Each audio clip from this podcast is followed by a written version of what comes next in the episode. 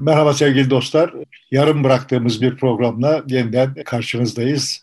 Türkiye'nin e, modernleşme hikayesini ele aldığımız bir dizi vardı. Üç bölümlük bir program yapabilmiş idik. Şimdi Cemalettin Taşçı'yla kaldığımız yerden devam edeceğiz ama devam etmeden önce kısa bir hatırlatma gerekiyor.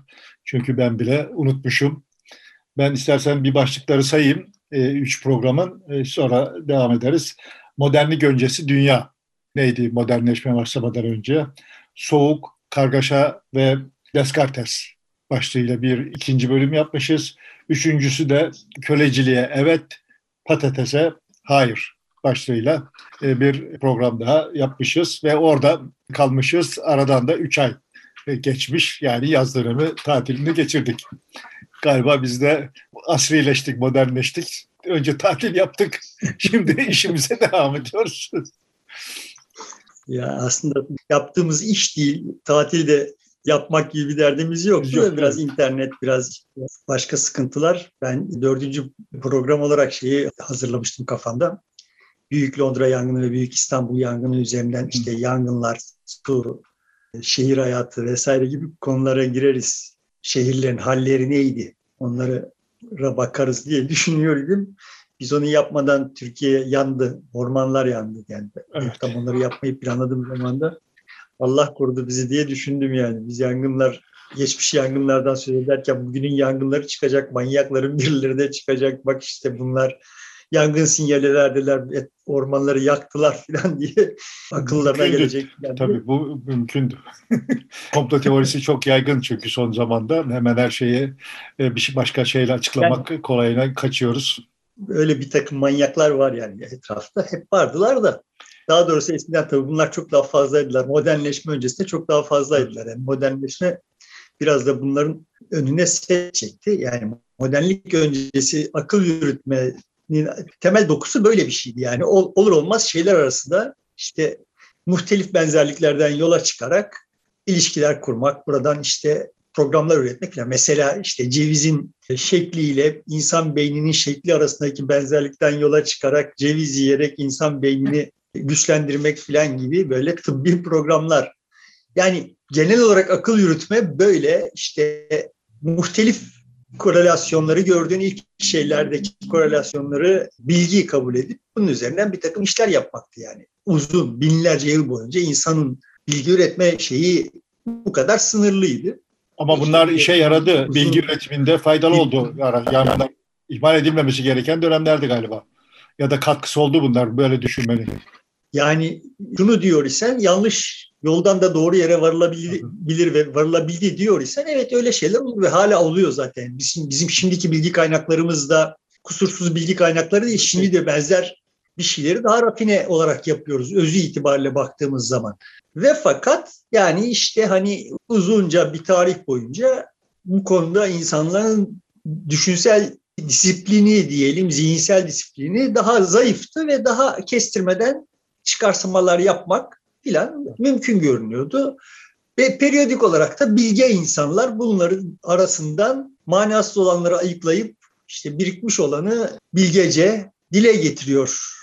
Gerçeklik hakkında daha manalı tasavvurlar öneriyorlardı. Yani işte kutsal kitaplar falan da böyledir. Binlerce yıl boyunca birikmiş olan bilginin içinden yanlışlanmış olanları ayıklayıp insanlığa bir genel ufuk çizmek ve işte genel yol göstermek gibi bir işi yapıyorlardı. Ama net toplamda baktığımız zaman neden şu bilgiye itibar edeceğiz, buna etmeyeceğiz sorusunun bir cevabı yoktu. Yani şu bilgiye itibar edeceğiz çünkü bizim içimizi ısıtıyor veya bizim içimizi ısıtan birisi dile getirmiş idi yani ana hatları itibariyle. Bu bilgiyi sınamak gibi bir konsept yoktu yani. Her ne halise onlara sonra bilimsel devrim vesaire filan falanlarda geliriz. Sonuçta şimdi biz ilk üç bölümde şöylece kabaca şöyle bir şey yaptık. Yani dedik ki modernliğin tarihi, modernleşmenin tarihi muhtelif zamanlara, modernleşmenin başlangıcı muhtelif zamanlara e, gönderme yapılarak ifade edilir. İşte Rönesans'a veya işte reforma veya aydınlanmaya falan.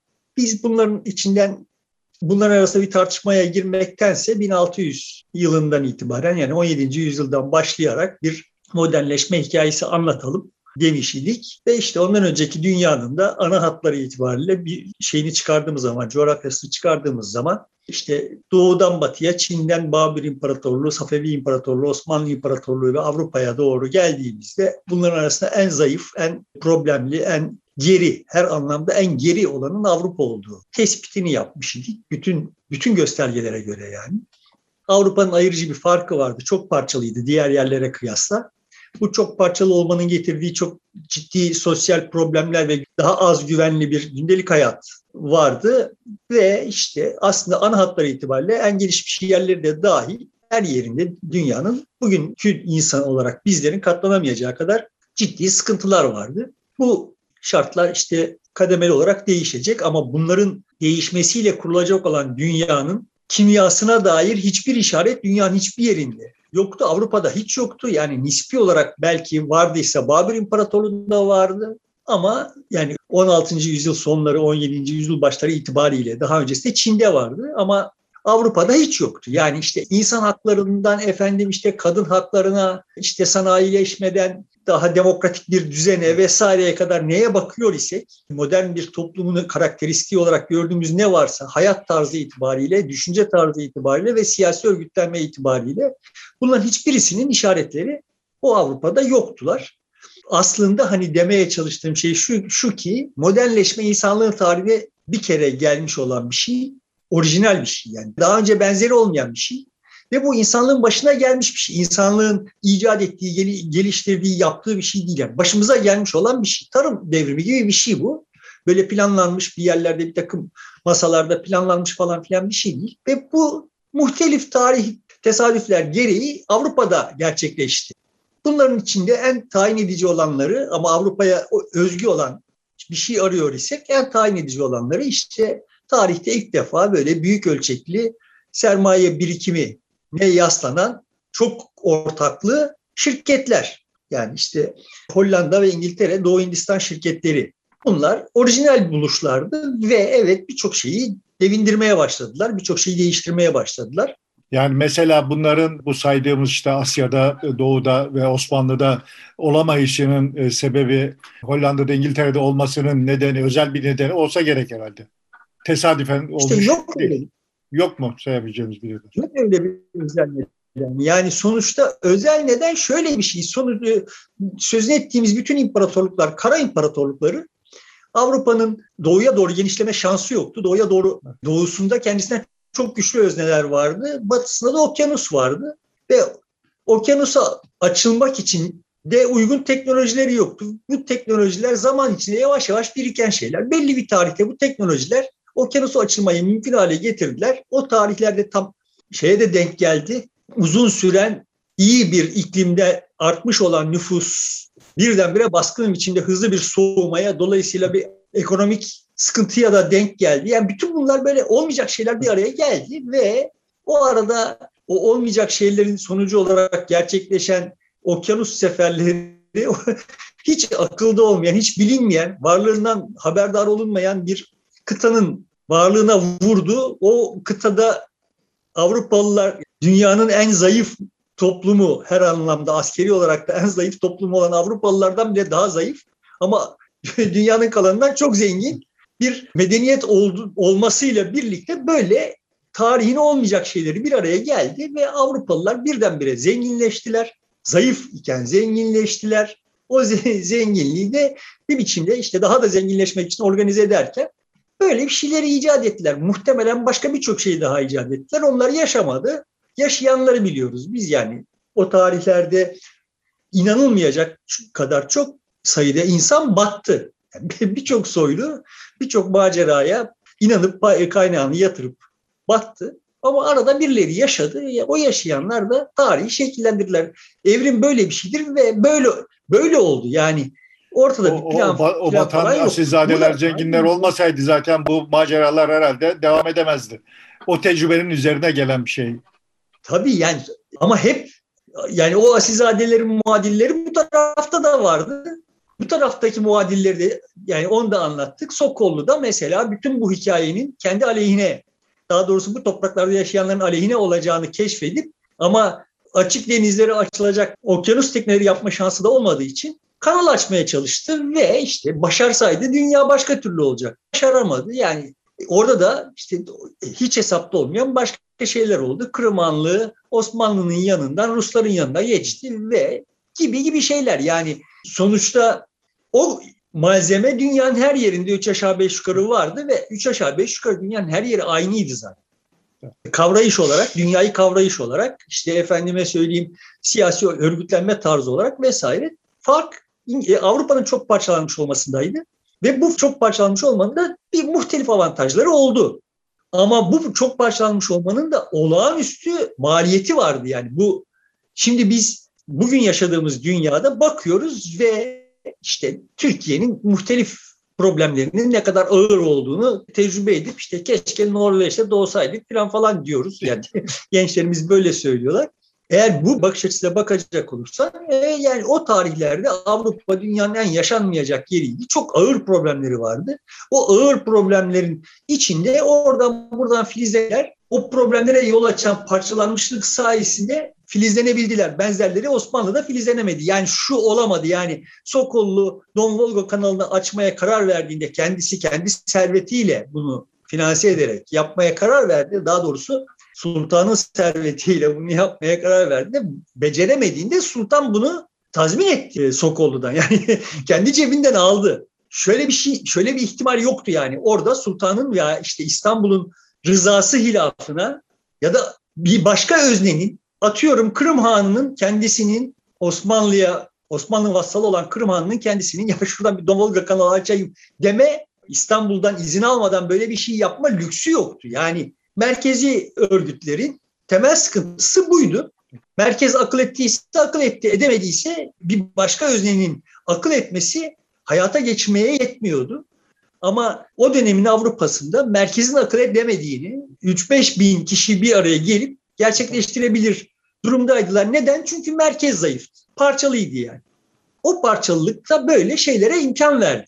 İmkan verdiği birçok başka şey daha vardır. Bir kısmı hayata geç, kısmı geçmedi. Biz hayata geçenler üzerinden konuşuyoruz. Ama ana hatlarıyla bu modernleşme bütün bu süreç boyunca mayalanıp geçe, gelecek. Ağırlıklı olarak taşıyıcı zemini Avrupa'da olacak. Ama Avrupa'nın işte ideolojisiyle, siyasi bilmem örgütlenme tarzıyla filan falan böyle bugünden geriye doğru kurulan bütün ilişkiler Fasaryadır. Aslında ilk bölümlerde anlatmaya çalıştığım özü itibariyle buydu.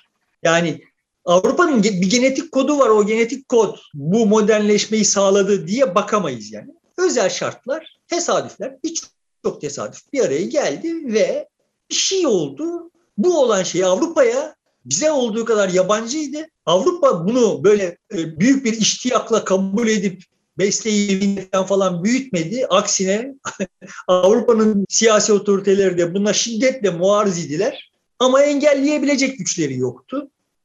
Dolayısıyla ortaya bir şey çıktı. Bu hepimizin başına geldi. Geldiği zaman herkes için tehdit ediciydi. Oldu yani. Sonra biz bize kendileri Avrupalılar neden olduğu anlatmak için bir hikaye yazdılar. Biz de buna inandık yani Avrupa'nın yani bu iyi bir şey, iyi sonuçlar verdi. Verdiği iyi sonuçların zaten Avrupa'nın genetiğinde olduğuna dair bir hikaye yazdı Avrupalılar.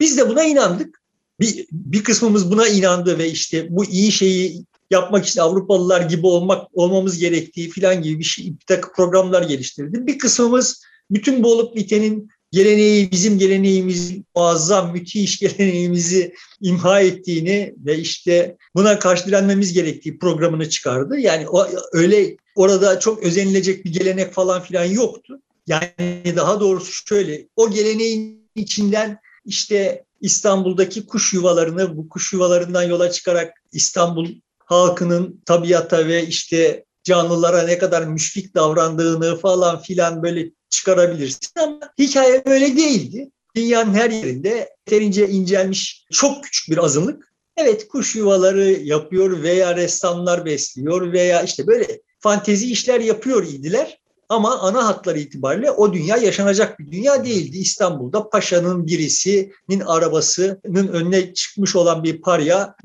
atlarıyla ezdiği zaman hesap verme ihtimali çok son derece düşüktü yani. Oluyordu ama bunlar son derece düşüktü. Yani öyle çok özenilecek, çok böyle pamuklar içine sarılacak bir geçmiş falan filan yoktu yani. Net toplamda hani bundan sonrasında zaten hani o o hayatın o ne kadar yaşanmaz bir hayat olduğuna falan geleceğim de ana hatlar itibariyle özetliği böyle medenice, usulca, yavaş yavaş ve herkesin kabul ettiği, herkesin katıldığı bir program modernleşilmedi. Modernleşme sancılı bir süreçti. Hep modernleşmeye, modernleşmenin değirmenine su taşıyan birileri oldu az sayıda ve hep modernleşmeye direnen birileri oldu çok sayıda. Bunların arasında karşılıklı gitgellerle yürüyen bir süreçti ve bu süreç ağırlıklı olarak Avrupa'da yürüdü. Neden? Çünkü Avrupa ondan sonra da parçalanmış olarak kaldı. Avrupa'da birilerinin karşı çıktığını, öbürlerinin müdafaa etmesi falan falan nispi olarak kolay olarak kaldı. Tek tek sebep bu değil tabii ki yani. Tek sebep Avrupa'nın parçalanmışlığı değil. En önemli sebeplerden bir tanesi işte çok geri bir yer iken aniden çok hızlı zenginleşmenin yarattığı türbülansların filan yarattığı etkiler var, fırsatlar, riskler var. Bütün bunları yaşadı ve çok sancılı yaşadı. Yani 30 yıl savaşları, 80 yıl savaşları, 100 yıl savaşları falan bütün bunlar bu süreçlerde yaşandı. Yani nüfus kıyımları oldu, mezhep savaşları yüzünden insanlar yurtlarından oldular ve bütün bunlar o dönemde oldu. Şimdi bütün bunları ayıklayıp işte bir Avrupa'nın bir genetiği vardı da o genetik iyi işlere yol açtı falan falan demenin bir alemi yok. Çünkü bir yıl kötü şeye yol açtı. bugün başımıza gelse lanet edeceğimiz birçok şey o Avrupa'nın başına geldi yani. yani. Biz modernleşmenin taarruzuna uğradığımızı iddia ediyoruz ya. Hani bir belli kesimler modernleşmenin, modernleşme sürecinin asıl yüksek maliyetini Avrupalılar ödediler yani. Bizim ödediğimiz maliyetle, bizim ödediğimiz bir maliyet var mı? Var. Ama bizim ödediğimiz maliyetle kıyas kabul etmeyecek kadar ağır maliyetler ödediler.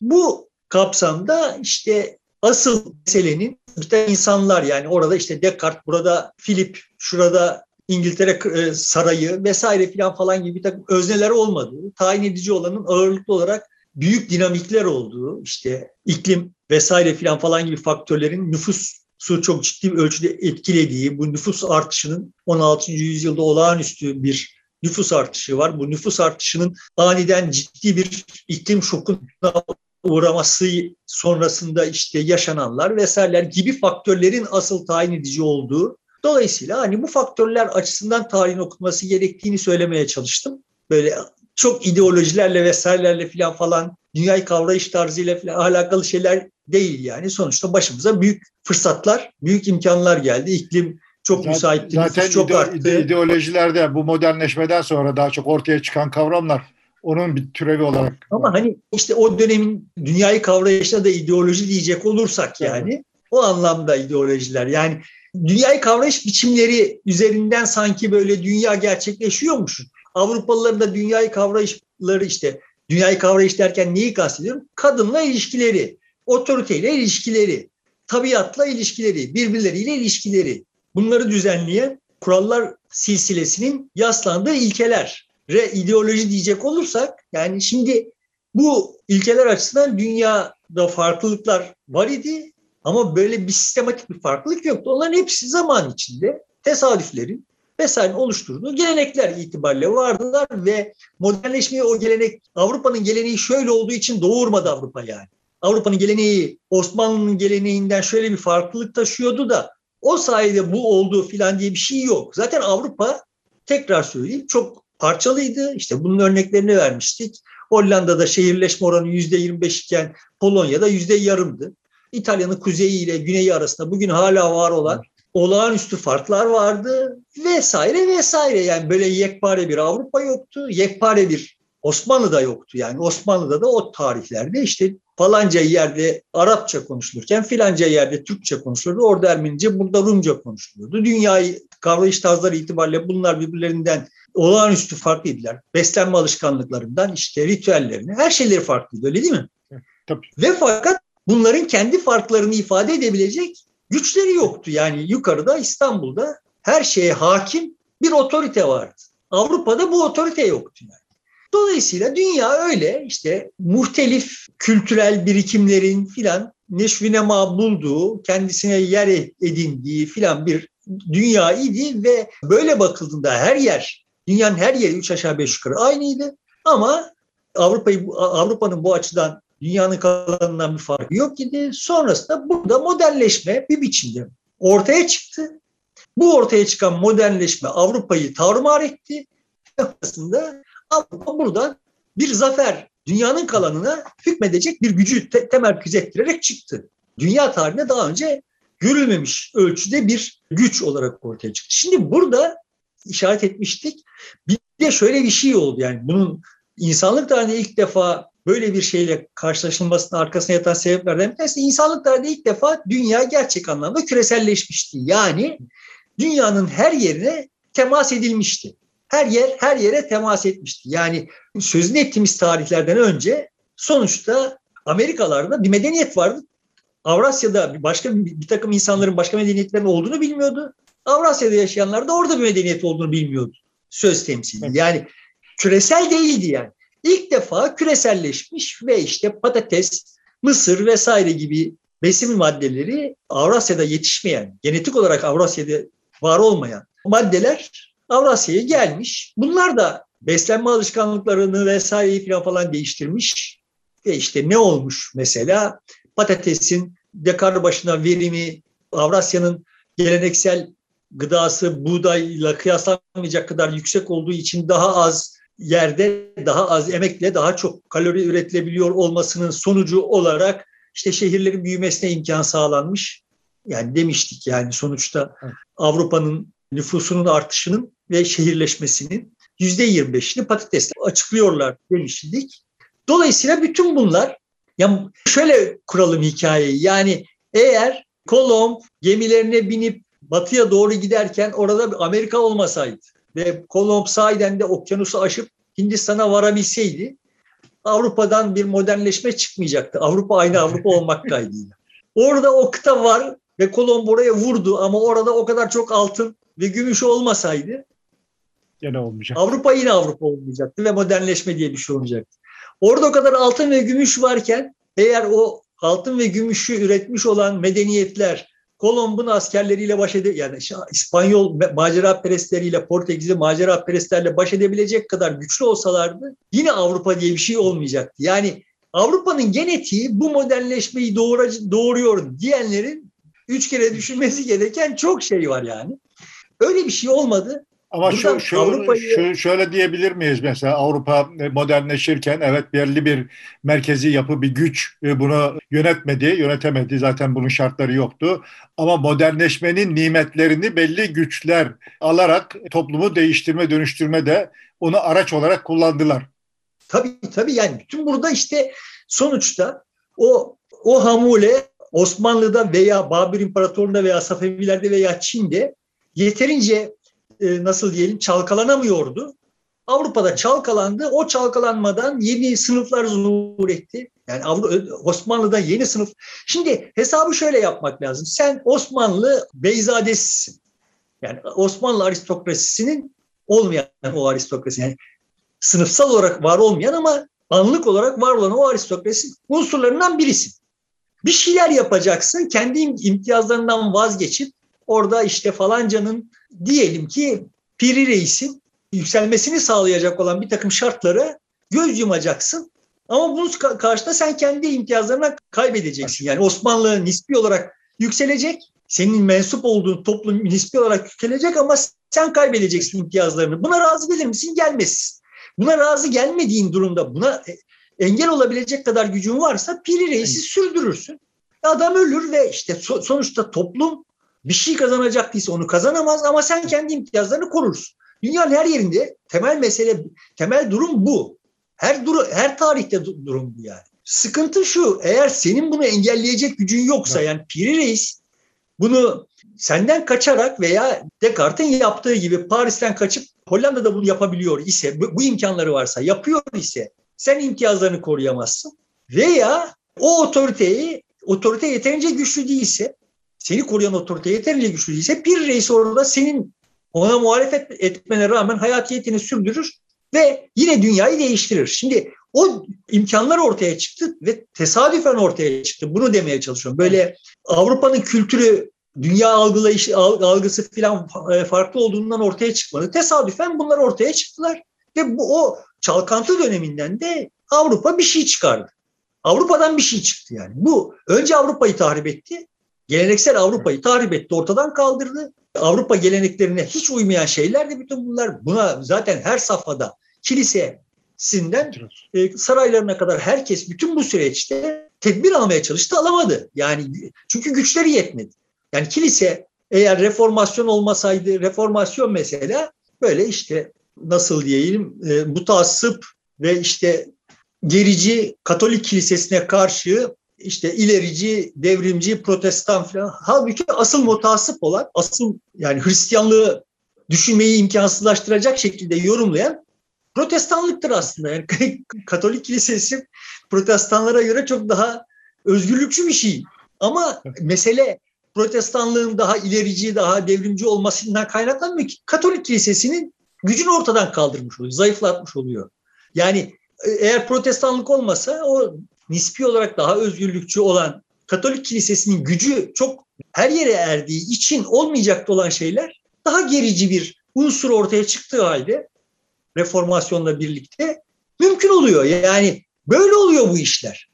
İşte bugünün Türkiye'sine baktığın zaman da şimdi bugünün Türkiye'sinde de bir takım gerici güçler falan yükseldiği zaman bu Türkiye'nin daha da gericileşeceğini vesaire falan falan delili olarak okunamaz. Eğer fırsat buradan bir fırsat çıkıyorsa ve bunu değerlendirebiliyor ise o gerici güçlerin ortaya çıkmış olması ülkenin daha ilerici bir moda geçmesine imkan sağlayabilir. Ama Avrupa'da olan şey bu yani. Tamam böyle olmuyor da işte son derece çizgisel bir akıl yürütmeyle e işte şu tarihte Avrupa böyleydi. Sonra reformasyon oldu. Demek ki reformasyon Avrupa'nın daha ilerici olması için de zihinsel kodun üretilmesini sağladı filan gibi akıllar yürütülüyor ve bu akıllarla böyle dünya okunuyor yani. Sonra da bu bugünün şartlarına ve dünyasına uygulanıyor. Yani ne oluyor?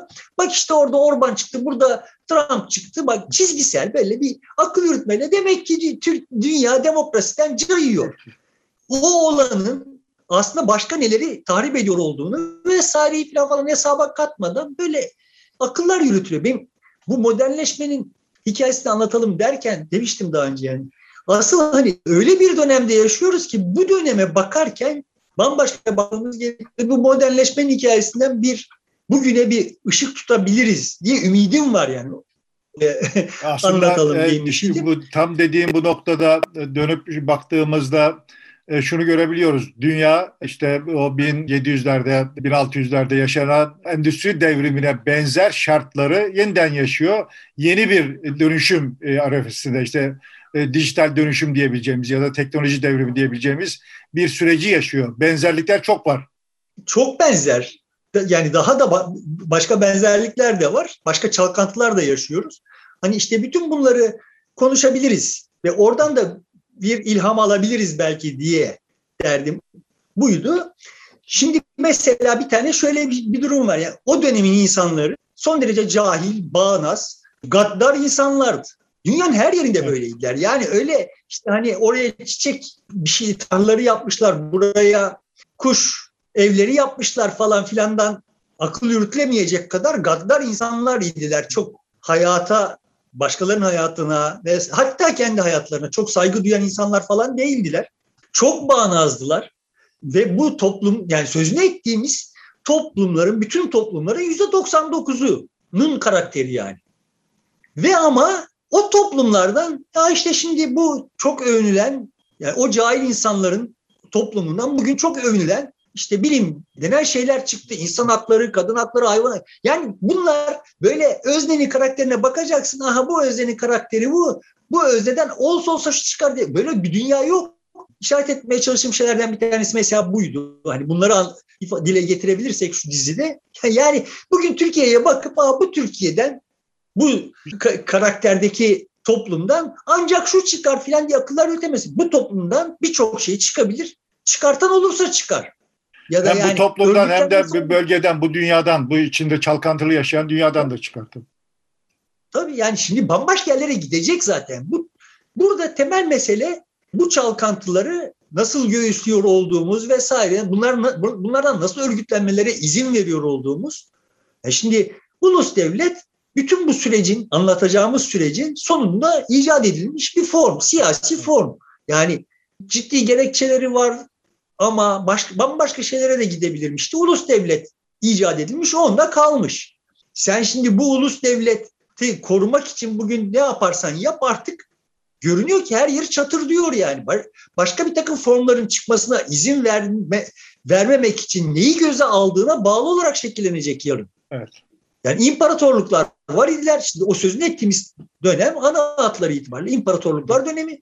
Ve o imparatorluklarda kendi yerlerini ulus devletlere bırakmamak için dünyayı kana buladılar. Yani ileride göreceğiz yani. Ama sonunda başaramadılar.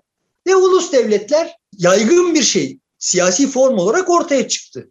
Şimdi bu yaygın siyasi formu sanki insanlığın son safhasıymış artık buradan sonrası yokmuş gibi müdafaa etmeye kalkarsan yapabileceğin şey kanın gövdeye götürmesini sağlamak. Yoksa sen bunu koruyamayacaksın yani. Şimdi başka bir şeyler neşvinema bulacak. Onları onların neşvinema bulmasını sağlayacak şekilde örgütlenebilirsek, yeni başka türlü örgütlenmenin yolunu bulacak şekilde örgütlenebilirsek dünya daha kestirme yoldan yolunu açıp gidebilir gibi bir düşüncem. Ya daha doğrusu ya, mesele bundan ibaret yani demeye çalıştım. Böyle bugün konuştuğumuz konuların çoğunun ne kadar beyhude konular olduğunu bu süreçte konuşabiliriz diye düşünüyorum. Şimdi zaten çok uzadı bu özet. özet olmaktan çıktı. Şu yangın meselesiyle bağlayalım da sonra gelecek e, hafta insanlar nasıl yaşıyorlardı, evleri nasıl evlerdi vesaire falan falanları konuşalım. Evet neyle besleniyorlardı falanları üç aşağı beş yukarı konuşmuştuk. Şimdi 1666'da Londra'da büyük bir yangın çıkıyor. Bir fırında başlıyor ve bu yangın sur içi diyebileceğimiz yani surla nehir arasında, Thames Nehri arasında kalan bölgedeki e, neredeyse her yeri çok küçük bir kuzey e, doğudaki küçük bir bölge hariç Westminster'ın bulunduğu bölge hariç neredeyse her yeri yakıyor eski Londra'da yani. Kabaca Londra'nın nüfusu o tarihlerde 400 bin civarında. Yani büyük Londra'nın. Ama işte Suriç'in nüfusu 80 bin civarında. Tahminlere e, bakılırsa o 80 bin kişinin yaşadığı yerdeki yangın 70 bin kişinin evini yakıyor. 12 bin ev yakıyor yani. Yani böyle büyük bir yangın. 1600 kaç demiştin? 1666. 66. Şimdi bu tarihten 33 yıl önce de İstanbul'da büyük bir yangın çıkıyor. 4. Murat dönemi Cibali'de gemi kalafatlama sırasında bir yangın çıkıyor. İstanbul neredeyse tamamı yanıyor ve 4. Murat bu yangının neden çıktığı, hangi sebeple çıktığı besbelliyken tütün içenlerin vesaire filan falan tütün içerken yangın çıkardıkları gibi bir gerekçeyle tütün içilmesini yasaklıyor. Yani ne olmuş oluyor? Allah'ın lütfu olarak değerlendiriyor büyük yangını yani. Evet. ve bir takım çok katı kurallar koyuyor. Bildiğimiz tarih kitaplarında okuduğumuz çok despotik bir e, rejimi kuruyor. Fakat işte mesela benzeri bir şey Londra yangını 33 yıl sonra Londra yangını sonrasında Londra'da gerçekleşmesine imkan bulunmuyor yani. Yani o, o kadar merkezi bir otorite, o kadar güçlü bir otorite yok. Teknik olarak bakacak olursan öyle bir güçlü otoritenin varlığının tarafında hemen herkes güçlü otorite olacak ki işte hepimiz istikametimizi biliyor olacağız, ne yapacağımızı bile biliyor olacağız vesaire. Ama işte güçlü otorite olmaması İngiltere'yi o, o tarihlerde Osmanlı ile mukayese edilmeyecek kadar geri olan İngiltere'yi bir süre sonra İngiltere'nin bir süre sonra bambaşka bir hale gelmesine yol açıyor. Şimdi orada bir misal var. O misale geleyim. İngiltere nasıl bir İngiltere yani? Bizim bu sözünü ettiğimiz tarihlerden hemen öncesinde İngiltere'de bir adamın birisi Peter Morris adlı bir adam Times'ın suyunu pompayla çekip Londra'da evlere boru döşeyip dağıtmaya başlıyor para karşılığı. Yani normal şartlarda olay şöyle bir şey. Senin evine su gelmiyor. Hiçbir yani muhtemelen saraya bile su gitmiyor yani eve. Oradan buradan suyu taşımak zorundasın. Yani ya kuyu açacaksın ya işte ne, nehirden taşıyacaksın falan filan. Bir yerlerden suyu taşımak. Bu ta Roma döneminden itibaren, itibaren şehirlerin temel problematiği yani. Suyu kaynağında bulacaksın, çıkaracaksın ve taşıyacaksın. Kullanım yerine getireceksin. Bu bir problem. Ana hatlar itibariyle nasıl çözülüyor? İşte İstanbul'da olduğu gibi çeşmeler var. Oraya kadar kamu getirmiş yani.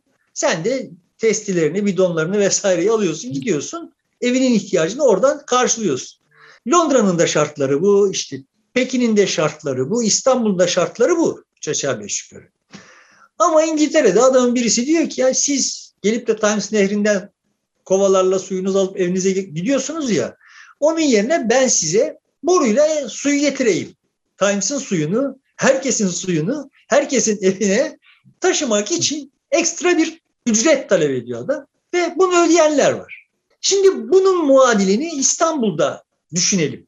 Yani İstanbul'da da birisinin çıkıp sıradan düz bir adamın çıkıp da böyle bir işi yapmaya kalktığını düşünelim. Ne olacaktı? Orada işte falanca vezir adamdan bunu yapmasına izin vermek için şu kadar rüşvet talep edecekti. Yani çünkü o izin vermese yapamayacak yani adam. Benzeri bir durum İngiltere'de var mı? Var. Ama İngiltere'de olay şuraya gelmiş artık. O da işte o korsanlık vesaire falan falan sırasında sarayın öğrendiği bir şey. Zaten sarayın gücünün bir sınırı var. İngiltere'de olay şuraya gelmiş artık. Tamam kardeşim sen bunu akıl ettin ve işte oradan o suyu alıp şuraya taşıyorsun. Bunun karşılığında da para kazanıyorsun. Bana vergi vereceksin. Fark burada yani. Saray diyor ki senin yaptığın işe karışmam. Asilzade değilsin. Normal şartlarda böyle işlere kalkışmaman falan falan gerekir ama hani kalk, kalkıştın. Tamam buna karışmıyorum ama vergisini alırım. Zaten asilzadeden de vergisini alıyor saray. Dolayısıyla şimdi o yani ben şimdi şu problemi çözeyim. Bu benim bildiğim muhtemelen yani ben düşündüm bunu öğrendikten sonra çok uzun süre düşündüm. Bu muhtemelen ilk organize servis sektörü. Yani hani daha önce imalat sektöründe böyle özel girişim falan falan var çok da hizmet sektöründe böyle bir özel teşebbüs var mıdır daha önce bilmiyorum yani. Şimdi bu zihniyet farkını oluşturan şey dediğim gibi daha önce saray zaten bir takım geri adımları atmak zorunda kalmış aristokratlara karşı. Ama bu yüzden aristokratlarla arasında da aristokrat sınıfla arasında da bir husumet var zaten. İkincisi saray bu tür faaliyetlerden vergi alarak bir gelir elde edebilecek olduğunu ve dolayısıyla bu faaliyetler zenginleşirse, çeşitlenirse gelirin artacak olduğunu idrak etmiş durumda. Şimdi deminki misale dönelim. Osmanlı aristokratıysan sarayın ve işte toplumun vesaire falan falan gelirlerin artacak olması seni enterese etmiyor. Senin imtiyazlarının sürüp sürmediği seni ilgilendiriyor. Dolayısıyla hani hep beraber daha zengin olacağız. Ben de daha zengin olacağım ama işte toplumdaki sıralamam değişecek ise, geriye düşecek ise orada birilerinin böyle bir takım faaliyetlerde bulunup servet biriktirmeye çalışmasına mani olurum. Ana hatları itibariyle dünya tarihinde hep dediğim gibi olay böyle olmuş. Ama işte tam o tarihlerde otoritenin muhtemelen işte Peter Morris'i engelleyebilecek güce sahip olmaması vesairesi veya başka ittifaklara ihtiyaç duyacak kadar zayıf olması filan gibi sebeplerle de bu işler Batı Avrupa'da farklı türlü olmaya başlamış. Dolayısıyla da işte bunun sonrasında oluşmuş olan hikayeyi, daha doğrusu o hikayenin nasıl oluştuğunu bundan sonraki programlarda konuşmaya çalışalım. Evet. Olabildiği kadar sıradan insanların hayat tarzları itibariyle konuşmaya çalışacağız. Çünkü çok fazla böyle işte saraylar, fikirler, ideolojiler falan falan konuşuyoruz. Aslında olaylar oralarda olmuyor yani. Günlük hayatta oluyor tamam. Bugün biraz problem yaşadık internette herhalde ama çözeceğiz onu. Peki burada bitiriyoruz. Sevgili dostlar burada e, bitiriyoruz programı. Yeniden e, görüşmek üzere. Hafta sonu haftaya bakışta karşınızdayız.